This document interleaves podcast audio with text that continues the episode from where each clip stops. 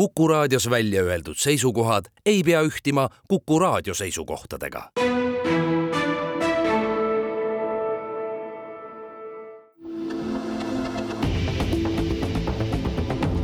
kahevahel. kahevahel kena keskpäeva, Kuku raadio saade Kahevahel täna üsna tähtsal päeval, viieteistkümnendal detsembril, suures jõuluootuses ja mitte ainult jõuluootuses, on võõrustamas meest, kes tegelikult, kui tähelepanelikud olete, peaks praegusel hetkel olema Vabaduse väljakul, täitma täiteetiketti, vastu võtmaks suurt au, ehk siis juhtida Eesti Kaitseliitu järgnevatel aastatel. seega siis me ei hakka tsirkust tegema ja ütleme, et meie hea külaline ei ole muteerunud, me salvestame seda saadet kolm tundi varem, kui kell tegelikult teie kodudes näitab. hea meel on saatejuhtidel Madis Kimmelil ja Timo Tarvel tervitada Kaitseliidu täna alustavat uut ülemat, kindralmajor Ilmar Tamme, tervist! tere! Kindral Tamm on Eesti Kaitseväes teeninud alates üheksakümne teisest aastast, olnud karjääri algusest ehk ajateenistusest peale puhtalt Eesti Vabariigi Kaitseväe teenistuses. lisaks teenistusele erinevate pataljonide ja peastaabiosakondade ülemate ametikohtadel on kindral Tamm teeninud liitlaste juures Saksamaal ja ka Afganistanis, juhtinud Balti Kaitsekolledžit ning Kaitseliidus olnud juhtival ametikohal varemgi, aastail kaks tuhat kolmteist kuni kaheksateist juhtis Ilmar Tamm Kaitseliidu peastaapi, nüüd on siis ringiga tagasi kindralmajor Tamm, meie siin Timoga ja, ja kindlasti paljud inimesed meie kuulajate hulgas ei ole Kaitseliidu liikmed. tehke palun meile ja neile üks no, minutiline motivatsioonikõne, miks võiksime me kõik võtta oma arvutid või pastakad sulepead ja paberid ja, ja teha Kaitseliidu äh, astumisavalduse?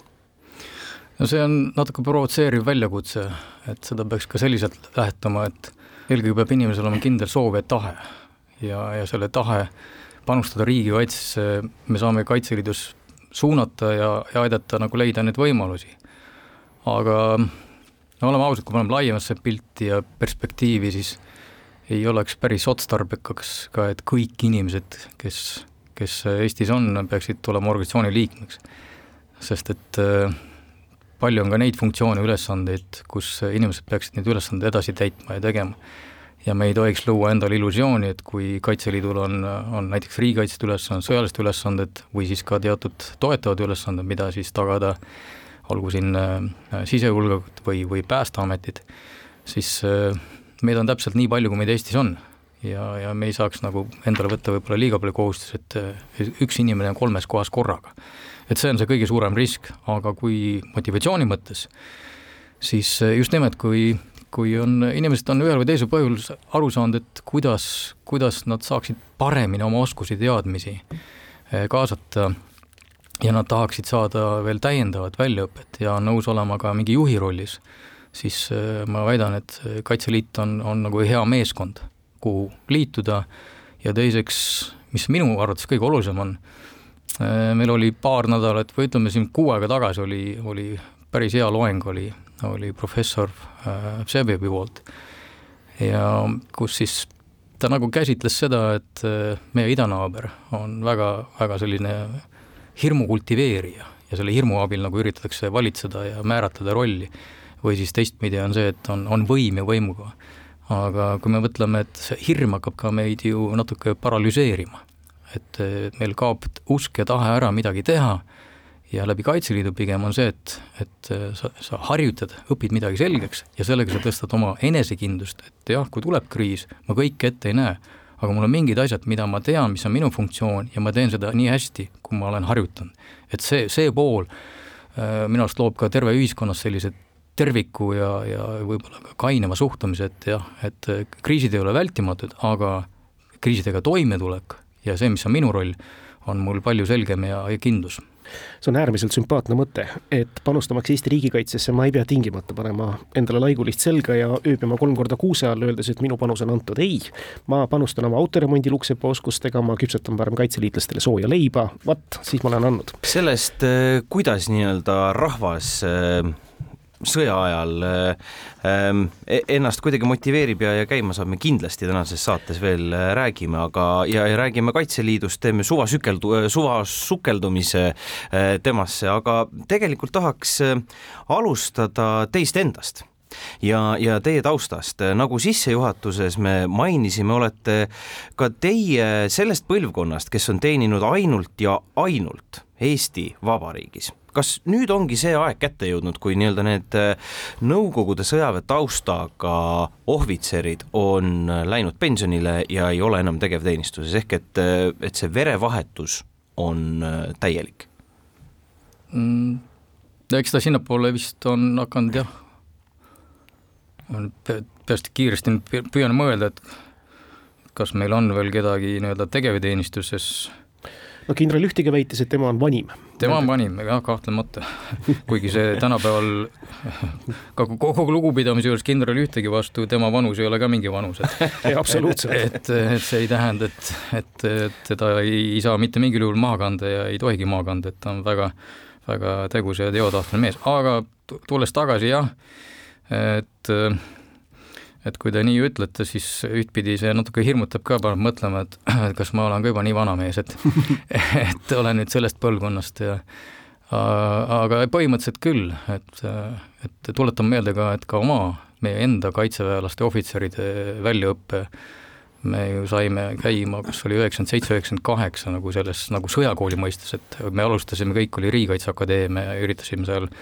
üheskoos seda vankrit vedada, aga jah, süsteemsemalt siis, kui tänane Kaitseväe Akadeemia eh, Tartusse toodi, et eh, mina esindan natuke seda põlvkonda ka, kes on igal pool, igal pool olnud Soomes, olen olnud USA-s, olen olnud Inglismaal, see väljaõppe palett on üsna kirju. et, et, et kuidas võtta, et ühtpidi jah, et ma olen jah, taasiseseisvunud Eesti Kaitseväe nii-öelda kasvandik, aga, aga kui panna minu sõja, sõjaväeline koolitus ja taust, siis, siis on ta ikkagi päris kirju. Et äh, ma usun, et, et see järgnev põlvkond, keda me, keda me nüüd oleme siin võib-olla viimase kümne aasta jooksul õpetanud ja, ja kindlasti, kes on järgmine äh, kaitseväe juhataja või Kaitseliidu ülem, et äh, ma arvan, et tema võib ennast nagu sada protsenti öelda, et ma olen Eesti ohvitseri või allohvitseri äh, Äh, haridussüsteemist sada protsenti läbi käinud ja selle baasil olen ka siis äh, oma karjääri teinud. Te olete osalenud ka sõjalisel missioonil Afganistanis.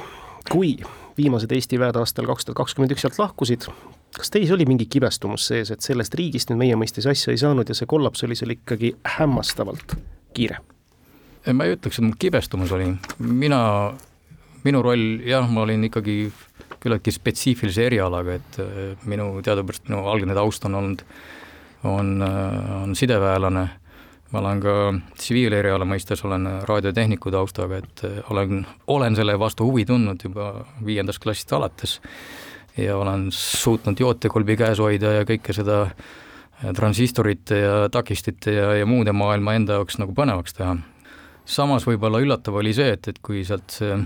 noh, mis võib-olla, kuidas ta välja paistis, kuidas me sealt Afganistanist välja tulime, oli see, et et kas me siis,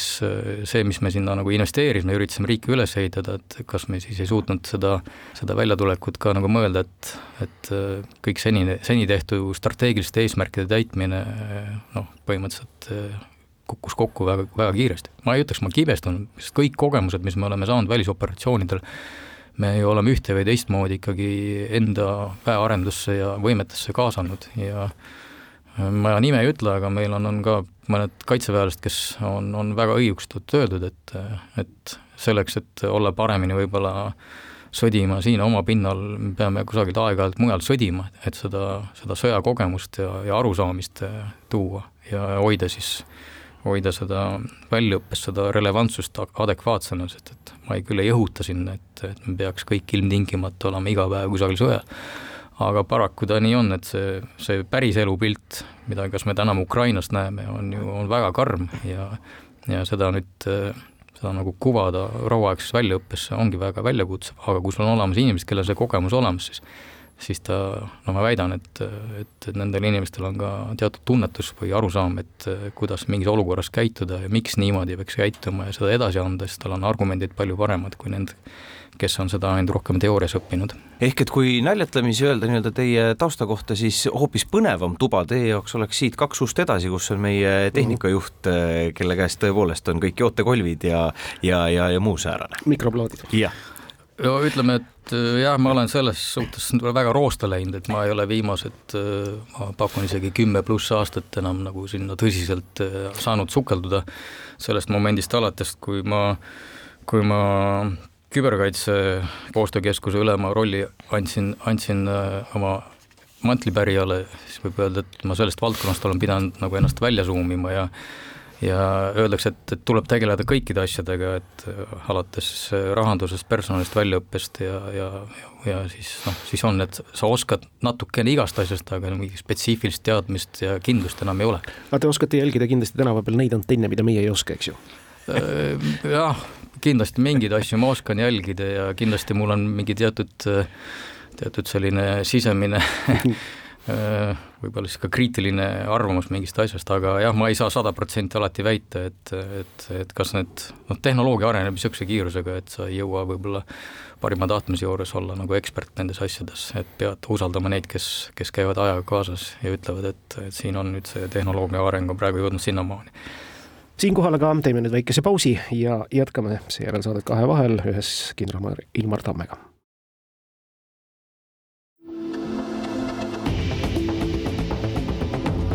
kahevahel. kahevahel kuku raadio saade Kahe vahel jätkab, tänased saatejuhid Timo Tarve ja Madis Kimmel võõrustavad enda vahel kindralmajor Ilmar Tamme ehk Kaitseliidu uut ülemat, kes just nendel minutitel on saanud või saamas siis äh, uueks Kaitseliidu ülemaks äh, Tallinnas Vabaduse väljakul, ehk et me salvestame seda intervjuud äh, mõned tunnid varem. Ähm, kindral Tamm, kuidas see tseremoonia välja näeb? on ju palju neid, kes raadiot kuulavad, aga koha peale ei saa tulla, et ähm, mis, mis nii-öelda spektaakel või, või ku, kuidas see kõik hakkab seal sündima? no tseremoonia ütleme, selles mõttes on ta päris suursugune, et Vabaduse väljakul Eesti rahva silme all, vaatamata võib-olla täna sellisele kergelt sombusele talvisele ilmale, on, on ta, on ta ikkagi piisavalt äh, tähelepanu köitev. Äh, tseremoonial on, äh, on tulemas Eesti Vabariigi president, kes siis peab omalt poolt sõnavõtu, toimub traditsiooniliselt Kaitseliidu lipu üleandmine üleandmise juures on kaitseminister, kes siis võtab, võtab äh, kindral ühtegilt lipu ja annab selle minule üle ja toimub ka äh, Kaitseliidu nii-öelda sümboolse mõõga üleandmine ja siis ka käelindi äh, üleandmine ülemalt ülemale. ja, ja siis on kindral ühtegi põhimõtteliselt tema adresseering oma liikmetele ja lõpuks äh, hästi sümboolne, et äh, meil on rivistatud üles kõik äh, Kaitseliidu alaorganisatsioonide lipumeeskonnad ja siis on ka üks üksus, mis on Männiku malevkonna üksus, mille liige kindral Ühtig on ja, ja tema siis peale oma nii-öelda sümboolse ülemameti üleandmise tseremoonia lõppu siis astub sinna üksuse rivvi, ehk sellega ta kinnitab enda jätkuvat kuulumist Kaitseliitu, et tema roll muutus, aga tema liikmestaatus sellega nagu ei muutu. ja see tseremoonia kõik äh, peaks võtma laias laastus kolmkümmend minutit väga õige, efektiivselt, muuseas lubage veel üks uudishimu tippkeskuse küsimus nii-öelda küsida. kindral Ühtegi on ka Eesti Laskurliidu president ja tavaliselt see käib mööda Kaitseliidu ülemaid mööda, see amet ka. Äh, ega teil seda ambitsiooni ei ole, teiseks ma tahaks küsida, kuidas teil laskeoskustega lood on? Ma tõenäoliselt ei konkureeri kindral ühtegi laskeoskustega Äh, äh, märkima pihta saan, laskeoskustestid ma iga aasta olen ära teinud. Äh, jah, kui see pakkumine tuleb, loomulikult, eks, eks tuleb siis ka see väljakutse vastu võtta ja ja eks võib ka nagu iseloomustada, et see on, see on ka üks võib-olla põhimotivaator teatud Kaitseliidu liikmete seas, et laskeoskust ja laskmistel osaleda. nii et seda, seda no ma arvan, et see presidendi roll on, on ikkagi suhteliselt sümboolne, et, et ikkagi need tegevliikmed ja Kaitseliidu, kes, kes tahavad relva käsitseda, on, on, teevad oma asja edasi teeme nüüd kiire süvasukelduse Kaitseliitu, tuletame headele kuulajatele meelde, kes kõik on teadlikud sellest olulisest organisatsioonist, aga võib-olla teinekord ei adu ära, kuidas ta nüüd täpselt jaotub, mis on tema suurus, tehnika, inimesed. aeg-ajalt ikka tuleb läbi, kuidas Kaitseliit on jälle saanud tugevusi, võimeid juurde, küll inimeste, küll relvastuse näol, küll siis ka ühel hetkel on organiseeritud selline müütiline mõiste nagu maakaitse ja nõnda edasi. et palun, kindral Tamm. jah, Kaitseliitu ei olegi nii lihtne ka võib-olla inimestele selgitada, üht, ühtpidi ta on võib-olla hea, sest et ega meie idanaaber kuulab ka ja üritab aru saada ja tihtipeale nende jaoks on see alati suur müstika, et mis asi see on, et kuidas, kuidas, kuidas selle vastu nagu saaks toimetada või saaks toimetada. aga eks, eks Kaitseliidul on väga palju ka ajaloolisi traditsioone ja sealt, kus on meie juured, pärineb ka nii-öelda see maakondlik jaotus, see põhimõte endiselt on Kaitseliidul viisteist malevat ja, ja, ja siis on ka, on teatud sellised, mis võib-olla ei ole päris territoriaalsed, nii-öelda piiritlustega, on, on küberkaitseüksus, on olemas meil ka oma kool ja siis on, meil on Naiskodukaitse ja noorteorganisatsioonid, Noored Kotkad, Kodutütred. ja no kõik see kokku moodustab tuumiku, mille suurusjärk, ma siin sellel nädalal olen saanud mitmeid äh, sissejuhatavaid ettekandeid organisatsiooni ja, ja statistika mõttes me oleme peaaegu kolmkümmend tuhat. Äh, mis võiks öelda, et on, on nagu noh, ma kindral Ühtiga rääkisin siis, kui ta võttis oma ameti üle, siis ta arvas, et, et, et, et seda piiri kusagil veel kõrgemaks ajada ei õnnestu aga noh, eestlastel on äh, see iseloomuomadus küll, et, et kui meil on rasked ajad, siis, siis me tahame kuidagi panustada ja, ja ilmselgelt on ka see üks, üks märk ja ja tulem, miks organisatsioon on nagu, on kasvanud. teisest küljest organisatsioonis on väga palju liikumisi ka, et inimesed tulevad ja lähevad, nii et ma arvan, seda numbrit nagu päris puhta kullana ei maksagi võtta. aga fakt on see, et me oleme kõige suurem äh, riigis tegutsev vabatahtlik organisatsioon. Nüüd äh, varustus, relvastus, jah, meil on äh, selgelt on ka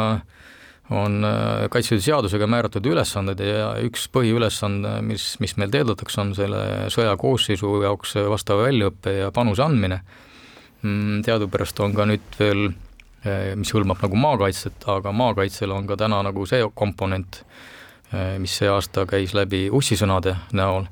ehk need ussisõdalased tegelikult, nad ei ole Kaitseliidu liikmed, nad on reservväelased, küll aga nad on osa maakaitsest nii et äh, ma arvan, et see on üks, ühest küljest suur väljakutse Kaitseliidule, et äh, kuidas ussisõdalastega äh, edasi väljaõpet tegutseda, et anda väljaõpet ja nendega koostöö tegevust planeerida, teisest küljest on, on jällegi, ma arvan, et Eesti tervikuna kokku pannes, siis maakaitse ja oma kodukoha teadmine, tundmine ja, ja selles oma tegutsemine peakski olema niisugune kandev idee, mis see maakaitse loomus on. Ja kõik need inimesed ja üksused, mis siis ei kuulu sinna sõja määratlusse ja neid inimesi on päris palju, eh, on Kaitseliidu endine ülem siis Riho Ühtegi on, on siin algatanud nõndanimetatud sihtüksuste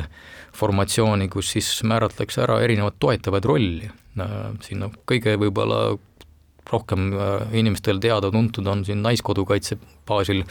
evakuatsioonigruppide loomine oli ka sellel aastal eh, suur õppus siin Krevex Muuga lähedal, kus Naiskodukaitse tegelikult väga palju panustas ja tegi, tegi evakuatsioonitoetust eh, Päästeametile, aga neid sihtüksusi on seal tänase seisuga kümmekond, ütleme, et eh, eks nad on erinevas, erinevas areng, arengujärgus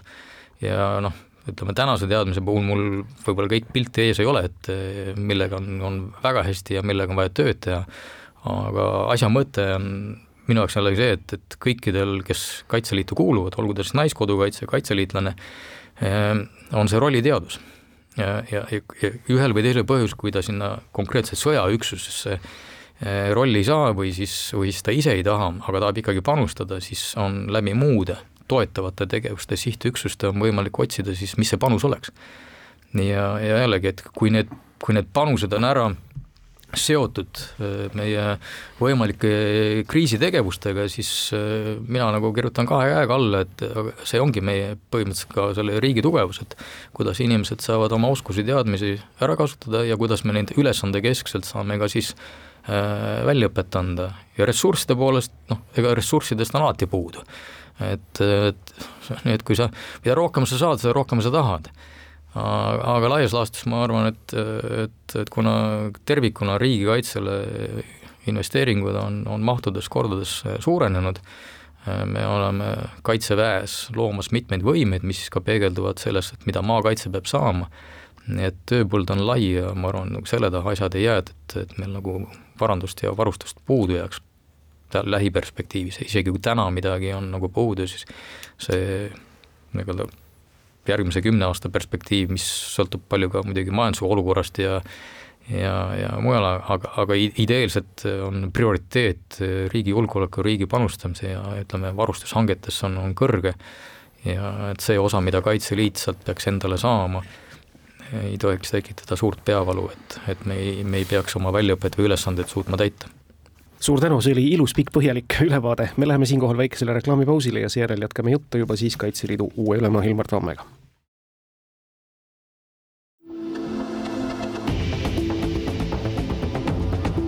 Kahevahel.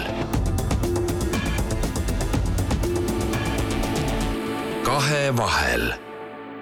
head kuulajad, jõulukuud poolitav päev, viieteistkümnes detsember, saade Kahevahel, Madis Kimmel ja Timo Torve saatejuhtidena rääkimas mehega, kellest algab ka uus etapp väga olulises organisatsioonis, kelleks on Kaitseliidu täna alustav ülem kindralmajor Ilmar Tamm. räägime Kaitseliidust edasi. ilus vahva loosung kõlab ka kenasti, iga põõsas laseb. Öelge, kas vajadusel ka tegelikult iga põõsas laseb? on meil seda võimalust üldse kuidagimoodi testida või trillida päris stressisituatsioonis? see on jälle selline provotseeriv, eks ole. väga provotseeriv küsimus, et äh, pigem on, ma natuke võib-olla parafarseerin äh, kindral Heremit siin, et äh, kuna tema on ka seda, seda, ütleme seda väljaütlemist ka väga kõvasti deklareerinud, aga et iseloomustades, mismoodi peaks meie see psühholoogiline ja, ja, valmidus olema, et, et see nagu pigem peaks olema üks nagu see, et meie usk ja, ja võime, et me seda riiki tahame kaitsta, jah, et, et kas iga põõsas laseb, see nagu on üks see väljendusvorm, mida, mida siis meie kui, kes me mundrit kanname, me peaks nagu sellest hea seisma ja, ja teine võib ju väita, et kas see heidutab nagu meie vastast, aga küsimus ei ole selles, mis, mis teda heidutab või ei heiduta, antud kontekstis pigem on küsimus see, et milleks meie peame olema valmis ja kui hästi me seda oskame. ja päeva lõpuks ei ole ju see probleem, et kui palju meil on relvi, kui palju meil laskemoona, meil on vaja just nimelt, et need inimesed on selleks valmis ja usuvad, et selles, et seda, et nad suudavad panustada ja, ja see väljaõpe, mis nad on saanud, täidab seda ülesannet. Ta nagu taandub sellele, et, et noh, provotseerivale küsimusele vastates ma arvan, et iga põõsas laseb, eks. No küsimus see, et mis sealt põõsast tuleb, ta ei pea olema ilmtingimata seal viis, viis, kuus millimeetri padrun, võib olla ka mingi muu asi. lumepall või infokild, mis siis, mis siis ütleb, et, et sinna, kus on mingi, mingi mõjutusvahend, et, et see nüüd on see sihtmärk, milleks ei ole mõtet viis, viis, kuus padrunit raisata või siis see padrun ei ole piisav, aga meil on mingi muu asi, millega seda mõjutada, et et see on jah, pigem selline vaimsuse ja valmisoleku küsimus, mis määrab ka ära selle, ma ütleks, Eesti konna, Eesti ühiskonna tervikuna usu, et, et meie riik on kaitstav ja meie inimesed tahavad seda riiki kaitsta kuulge, Kaitseliidul on olnud ju läbi taasiseseisvuse väga erinevaid nii arenguetappe kui ka, mis siin salata, inimeste ja, ja rahva silmis sellist noh, nii-öelda maine kukkumist, tõusmist, aga kuidas täna on, ma just pean silmas seda, et kui palju näiteks võrreldes kahekümne aasta taguse ajaga on Kaitseliit äh, professionaalsem, ehk et sinna kuuluvad äh, endised Scoutsi veteranid, samad missioonisõdurid, tegevväelased, nii edasi, nii edasi, et just just see nii-öelda elukutseliste sõjaväelaste rida, mis nüüd on vabatahtlikus organisatsioonis? jah, kuigi ma, ma ei ületähtsustaks seda poolt ka, ma arvan, et tegelikult ka Kaitseliidu maine ja ja renomee seisneb ka selles, et kes on tema liikmed. ehk kui inimesed on intelligentsed, haritud ja on, on ka oma tavaelus respekteeritud ja kui ta kuulub Kaitseliitu, et see oleks minu hinnangul kõnetaks isegi rohkem. sest et noh, kui me paneme proportsiooni, et kui palju on Kaitseliidus äh, nii-öelda palgalisi, kes siis peavad seda igapäevast äh, tööd organiseerima, administreerima, siis äh, see arv on ju proportsioonides kaduvväike võrreldes sellega, mis ta liikmeskond on. et pigem ma ikkagi ütlen, et organisatsioon Äh, sisemiselt äh, peab aitama kaasa sellele, et, et need, keda me organisatsiooni oleme vastu võtnud ja kui ta ühel või teisel moel seda organisatsiooni diskrediteerib, siis, siis äh, me peame ka ütlema, et, et see ei ole see koht, kus, kus me tahaks, et see liige edasi jätkab. aga needsamad veteranid, kui tihti nad siis lihtsalt nii-öelda, nii-öelda lihtliikmetena ka jätkavad oma, oma piirkondades või, või üksustes? Ma arvan, see statistika on kindlasti väga erinev mm -hmm. ja, ja siin nagu sellist üht, ühtset sellist nagu ütleme, niisugust ühte mustrit või, või, või ühest vastust anda on keeruline. ja noh, paratamatult ka Kaitseliidus mõjutab see ka, et kuidas on demograafia ja kus on, kus on inimesed elavad, et et meil on, on suuremad tõmbekeskused, kus, kus on liikmeskond ja ütleme siis ka see valikuvõimalus ja inimeste arv on suurem ja, ja samas ta paneb ka meile väljakutse, et, et need kohad, kus äh, muul, teistel objektiivsetel või subjektiivsetel põhjustel inimesed äh, püsivalt ei asu ja ei ela, siis äh, ilmselgelt ka seda seda nagu Kaitseliidu aktiivsust on seal raske üleval hoida, et ta ei, isegi ei sõltu niivõrd siis see, et kas sa oled endine skaut või või oled sa nii-öelda tegevteenistusest reservi läinud ja panus. aga tendents on, mina arvan, on nagu positiivne, et, et inimesed otsivad omale väljakutseid ja ja võib-olla ka see, et kui, kui sa oled ka aktiivselt tegevteenistus pidanud panustama oma igapäevaülesannetega ja, ja tahad mingi mingi aja puhkust või aega maha võtta, siis eh, reeglina see periood jääb suht lühikeseks, inimesed otsivad eh, päris kiiresti väljundit, et tulla tagasi ja Kaitseliit on üks, üks niisugune ideaalne vahend ja, ja organisatsioon, mille kaudu saab tagasi tulla. Te olete öelnud juba, et iga kaitseliitlane peaks aastas viis päeva pühendama Kaitseliidule, mida selle all täpsemalt silmas pidasite? see viis päeva oli minu, ütleme, see on nagu minu eesmärk, et et see viis päeva peaks olema see aeg, kus me harjutame seda ülesannet, milleks igal liikmele on roll antud. ehk see teadmine süveneks, see viis päeva on küll võib-olla väga palju suunatud selle maakaitse sõjalise poole peale,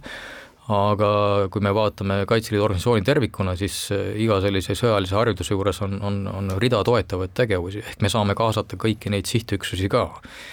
ja mis see annab jälle, see annab selle enesekindluse teadmise, et, et selles kriisiolukorras või selles momendis äh, on minu asukoht siin, minu ülesanne see ja võib-olla, mis võib-olla täna kõige suurem väljakutse, mis meil on, et meil on, meil on vaja nagu tegeleda oma juhtidega. Ja, ja juhtidel on alati suurem vastutus. ja miks juhid, juhid on, on needsamad inimesed, kes on üht, ühtpidi Kaitseliidu tegevliikmed või siis ta on reservväelane ja ta igapäevaselt ju ei toimeta selles vallas aga tal on vaja, tal on vaja ka anda seda enesekindlust ja väljaõpet. et, et see, et see viis päeva on ühtpidi selline, ütleks nagu iga aasta üks niisugune väike niisugune kutseoskuste eksam, kus sa testid ja, ja teisest küljest sa saad ka sealt, sa saad nagu hea tagasiside, kus sa vaatad, et mida on vaja parandada. mis ei ole veel nii ja kus kohas puudujäägid on. aga selle viie päeva lisaks minu ikkagi suht, suht selline kindel soov ja tahe on äh, juhtidele panustada, juhtide väljaõppesse mõned ajad tagasi äh, Ukrainas äh, kohtusin mehega, kelle kutsung on Sokol, tema oli Terra Burana kohaliku nii-öelda rakukese juht ja, ja ta oli, kui me rääkisime Eestist, tal läksid silmad särama, Kaitseliitu pidas ta äh, kõige suuremaks eeskujuks. Terra Buranast ehk siis sellest ukrainlaste territoriaalkaitsest oli sõja alguses iseäranis palju juttu, aga siiski on ta ju üsna erinev mm, meie Kaitseliidust pean ausalt tunnistama, et ma hetkel mm. ei oma täit ülevaadet mm., kuhumaani ta on arenenud, küll aga ma saan seda öelda, et äh, kui oli äh, Krimmi annekteerimine äh, ja pärast seda ka Donbassi ja, ja põhimõtteliselt ütleme, et noh, tegelikult Ukraina ju on sõjast,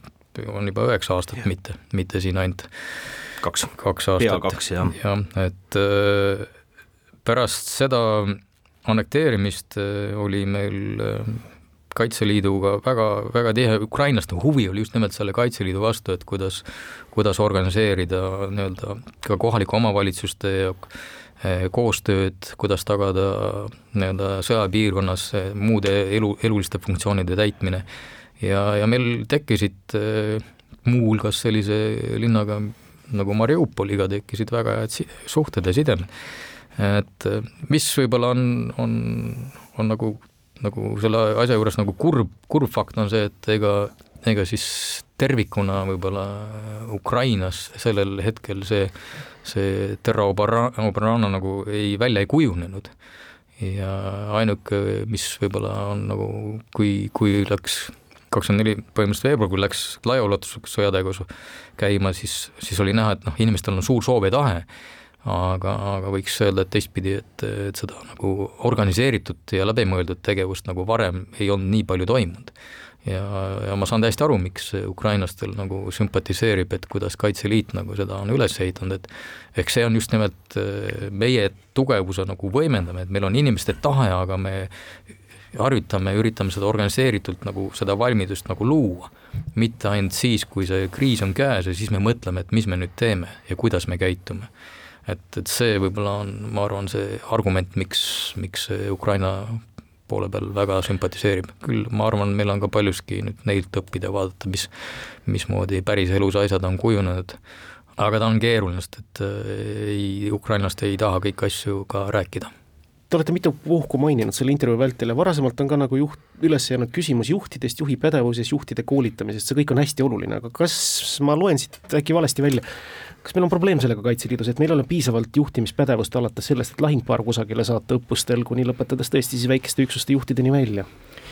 Äh, jah, meil on probleem, meil on probleem selles, et äh, kuna ikkagi mahud on suured ja, ja millel mina olen rõhk, rõhu, rõhku pannud, et, et, et kui meil on kriis või sõjaaeg, siis, siis meil ei jätku neid professionaale. ehk me ei saa eeldada, et äh, iga rühm või iga kompanii eesotsas on meil tegevväelane mm. -hmm ja, ja noh, see panebki selle nõude, et äh, need, kes on kas Kaitseliidus seal sõjaüksus või on ta või ta tuleb siis läbi ussisõdalast, et, et me peame nendega rohkem tegelema ja teistpidi me peame neile andma ka Äh, seda enesekindlust ja oskusi, et, et, et nad tulevad toime. ja, ja siin on noh, ta üht, ühtpidi ta nagu paneb ka suurema koormuse nendele, et, et millal ma siis seda väljaõpet saaksin omandada ja kus kohas ma saan neid asju siis ka nagu läbi proovida. Et äh, numbrid, mida meil nüüd, ütleme tänase seisuga võib-olla meil on seal, mis ma siin see nädal sain sisendit, et, et noh, meil põhimõtteliselt oleks vaja järgmine aasta tegeleda kohe esmajärjekorras viiekümne nelja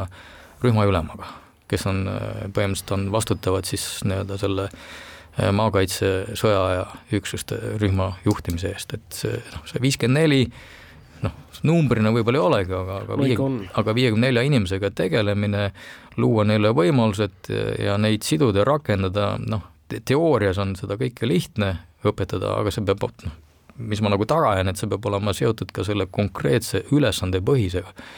Et, et seda ühe aastaga ei lahenda ilmselgelt, aga, aga sellega tuleb tegelema hakata, sest et see on osa sellest,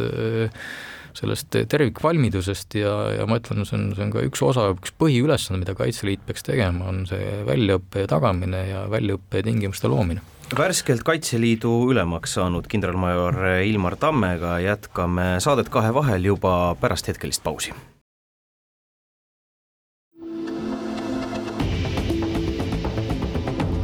kahevahel. Kahevahel Kuku raadios jätkub äh, saade Kahevahel ja täna on meil äh, külas Kaitseliidu värskelt ähm, ametisse saanud ülem kindralmajor Ilmar Tamm, saatejuhid Timo Tarve ja äh, Madis Kimmel. Mm, kui me räägime veel sellest, kust täna õppida on, siis ilmselt see on ikkagi ju Ukraina. millised on Kaitseliidu jaoks need olulised õppetunnid, mida Ukraina sõda on andnud, olgu see siis selles viimases viimase nii-öelda pea et kahe aasta perspektiivis või tõesti alates äh, kahe tuhande neljateistkümnendast aastast? see on ka, noh, ma kujutan ette, ma võiksin äh, rääkida ikka tunde, aga kindlasti. Äh, mida Kaitseliit täna juba on võtnud nii-öelda oma väljaõppekavades, noh esimene võib-olla on see, et Ukrainas on, on võiks öelda, et väga droonide sõda mm. -hmm. mitte, et ma nüüd ütleks, et see droon on imerelv, aga ilmselgelt on võetud uus vahend ta on toodud sõjapidamisse, kus siis äh, Kaitseliidu poole pealt äh, enne kui meil on väga konkreetne arusaamine, et äh, mismoodi meie droonindust tahame endale arendada, aga me saame ju õpetada neid droone käsitlema no just, on ju nii-öelda need inkvisiitordroonid ehk et äh, õhtu lõpuks kõige tavalisemad, äh, nagu nad ise kutsuvad, pulmadroonid, mis on väga heade silmadega ja kuhu põhimõtteliselt on võimalik käpp külge ehitada, eks ole, mis siis kas miinigranaadi või, või mille iganes vaenlasele kaela kukutab. jah, ja aga see on juba järgmine etapp et pigem on, täna on see, et, et seda drooni opereerida ja kasutada, et, et sa saaks teda et sa saaks jälle enesekindluse ja, ja aru, arusaamisest, et kui sul on kriisiaeg, ega ei ole ju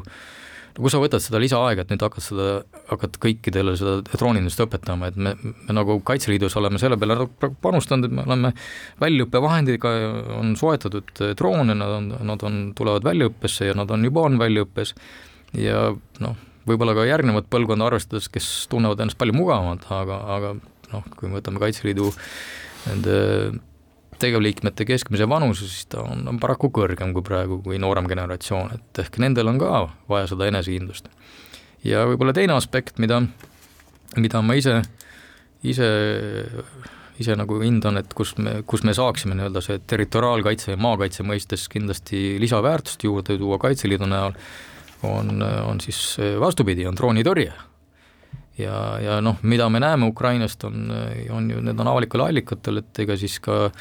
need Shahed tüübid või Geran tüübid äh, droonid, mida siis saadetakse parvedena, äh, mis vahenditega neid droone alla võetakse, kuulipildujad, raskekuulipildujad ja noh, pigem on väljakutse meie jaoks, on äh, ajaline mastaap, et kui, kui kiiresti info kätte jõuab ja mis suunas tuleks hakata äh, neid äh, droone otsima ja kuidas neid, kuidas neid siis selles sektoris, mis nad äh, jõuavad konkreetse territoriaalüksuse vastutusalasse, et, et jõuaks mõjutada. aga, aga noh, põhimõtteliselt äh, ei ole nagu üle jõu käiv ülesanne ja ma arvan, et on, on ka piisavalt täiendav motivatsioon, et, sa suudad nüüd jao ja rühma tasandile tuua ühe neli korda neli tüüpi kastiveoki, kus on peale ehitatud kuulipilduja pukk ja, ja sul on olemas inimesed, kes, kes jälgivad taevast ja on olemas ka vastav eh, sidesüsteem, mis annab sulle ennetava teate, et sinna, sinna sektorisse nii palju. ja noh, see loob selle kihilise õhukaitse ühe osa. Ja noh, ma arvan, et see on, see on nagu lähitulevik, millega, millega tuleb ka Kaitseliidul hakata tegelema aga kõik see, mis oli seni ära unustatud vana, ehk siis vana hea konventsionaalne sõjapidamine, kas sealt on ka midagi Ukraina sõda uut kätte andnud? Äh, on ja ei ole ka mm,. võib-olla on see probleem, et äh, jällegi ma ei saa nagu Kaitseliidus, Kaitseliidu peale kõiki neid õppetunde nagu rakendada või, või mõelda, aga aga millega Ukraina vaeva näeb, on just võib-olla erinevad väeliigid, ühendoperatsioonid, et, et noh, on ilmselgelt on nagu see see võime või, või see puudujääk on, on ka väga palju kohati pidurdab, et toimub see positsioonisõda, aga aga, aga jah, et, et kui sul on, kui sul on tuletoetus olemas, siis sa üritad läbi tuletoetuse vastast mõjutada. Ähm,, aga noh, täna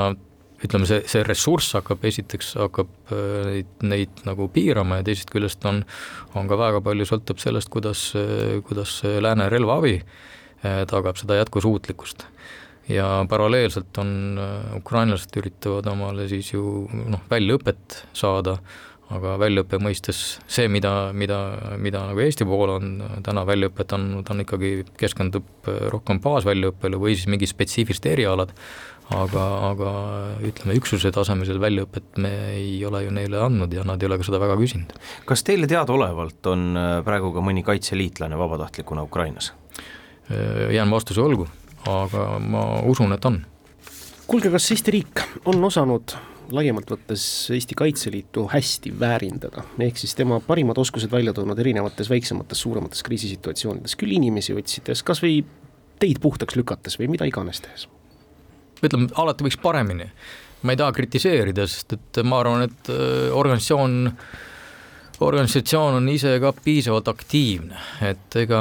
ega Kaitseliit ei, tihtipeale ei, ei jää ootama, et initsiatiiv on, on teise, teinekord initsiatiivi on isegi rohkem võib-olla kui et, et noh, milles mina näen murekohta, on see, et et kui Eesti riik paneb kõik kaardid Kaitseliidule, siis ta peab natuke nagu võtma nagu hoogu tagasi, sest et ega needsamad vabatahtlikud inimesed, noh, kust see tulebki see, et, et kui sul on roll on olemas, see selgus on ja, ja kui seda suudab jätkusuutlikult tagada, siis, siis on kõik hästi, aga aga kui siis seesama ressurss peaks toimetama millegi muu arvelt, siis me peaks nagu iseendale ka peeglis vaatama, et, et kui jätkusuutlik või kestev ta on. et kas on tegemist äh, mingi kolmenädalase toetuse üritusega, aga kui seda peaks jätkuvalt kuus kuud tegema, et kas, kas me siis et äh, noh, me peame hakkama siis mõtlema, et me peame vahetustes hakkama käima tegemas asju ja, ja, ja ka muud tegevused, muud tööd, mis aitavad riigi majandust üleval pidada või siis, või siis muid eh, kriitilisi valdkondi, et eh, need ei saa ju sellepärast kokku kukkuda meil antud aeg hakkab tasapisi otsa saama, aga kui me esitame veel siis seekord mitte nii provotseeriva küsimuse, aga just pigem niipidi, et kindralmajor Ilmar Tamm, milline on teie sõnum nii tänastele kaitseliitlastele kui eestlastele laiemalt? Kaitseliitlastele on see sõnum, et mul on suur au ja ma usun kõigesse, mida nad on siiamaani see on, see on, see on, see on nii uskumatu panus, mida nad äh, üritavad ja on teinud, ja pigem on see, et minu roll ja ülesanne on, on seda suunata nii eesmärgipäraselt kui võimalik ja ressurssi siis ümber jaotada sinna, kus on puudu. et seda mitte teha dubleerimist, kus seda ei ole vaja ja et oleks ülesandepõhine. Eestlastele ma arvan ka, et äh, Kaitseliit on üks, üks väga tugev ja võimas organisatsioon, mis peegeldab meie äh, inimeste kaitsetahet, soovi, mida me ei ole selles saates väga palju maininud, aga tegelikult Kaitseliidu roll on ka väga märkimisväärne meie järelkasvu ja noorte harimises ja kasvatamises. et eh, kui me noortesse ei panusta, siis ei ole meil ka tulevikku, et see on ka üks osa, mida Kaitseliit kindlasti teeb. kas te lubate üks no see nüüd on jälle provotseeriv. ütleme, et keskmine maapiirkonna kaitseliitlane meesterahvas, minu kujutelma järgi, kes ma arvan, aga ma ainult arvan, võiks olla nii, et ta on kogukondlikult loomulikult hästi aktiivne, ta on piirkonnas lisaks kaitseliitlasele on ta ka abipolitseinik, ta on priitahtlik pritsimees, vähemalt viie lapse isa, kuulub kohaliku valla volikokku ja kindlasti laulab ka valla laulukooris kaasa. võib see umbes nii olla? Ja neid ongi kusjuures. no näed, siis ei olnudki provotseeriv, kõik õige. suur tänu teile, hea kindralmajor Ilmar Tamm, edu, jõudu Eesti suurima vabatahtliku organisatsiooni juhtimisel nii teile kui nendele kümnetele tuhandetele liikmetele, alates tõesti veteraniajast kuni siis noorteni välja. ilusat advendi ja jõuluaja jätku! aitäh teile! kahevahel. kahevahel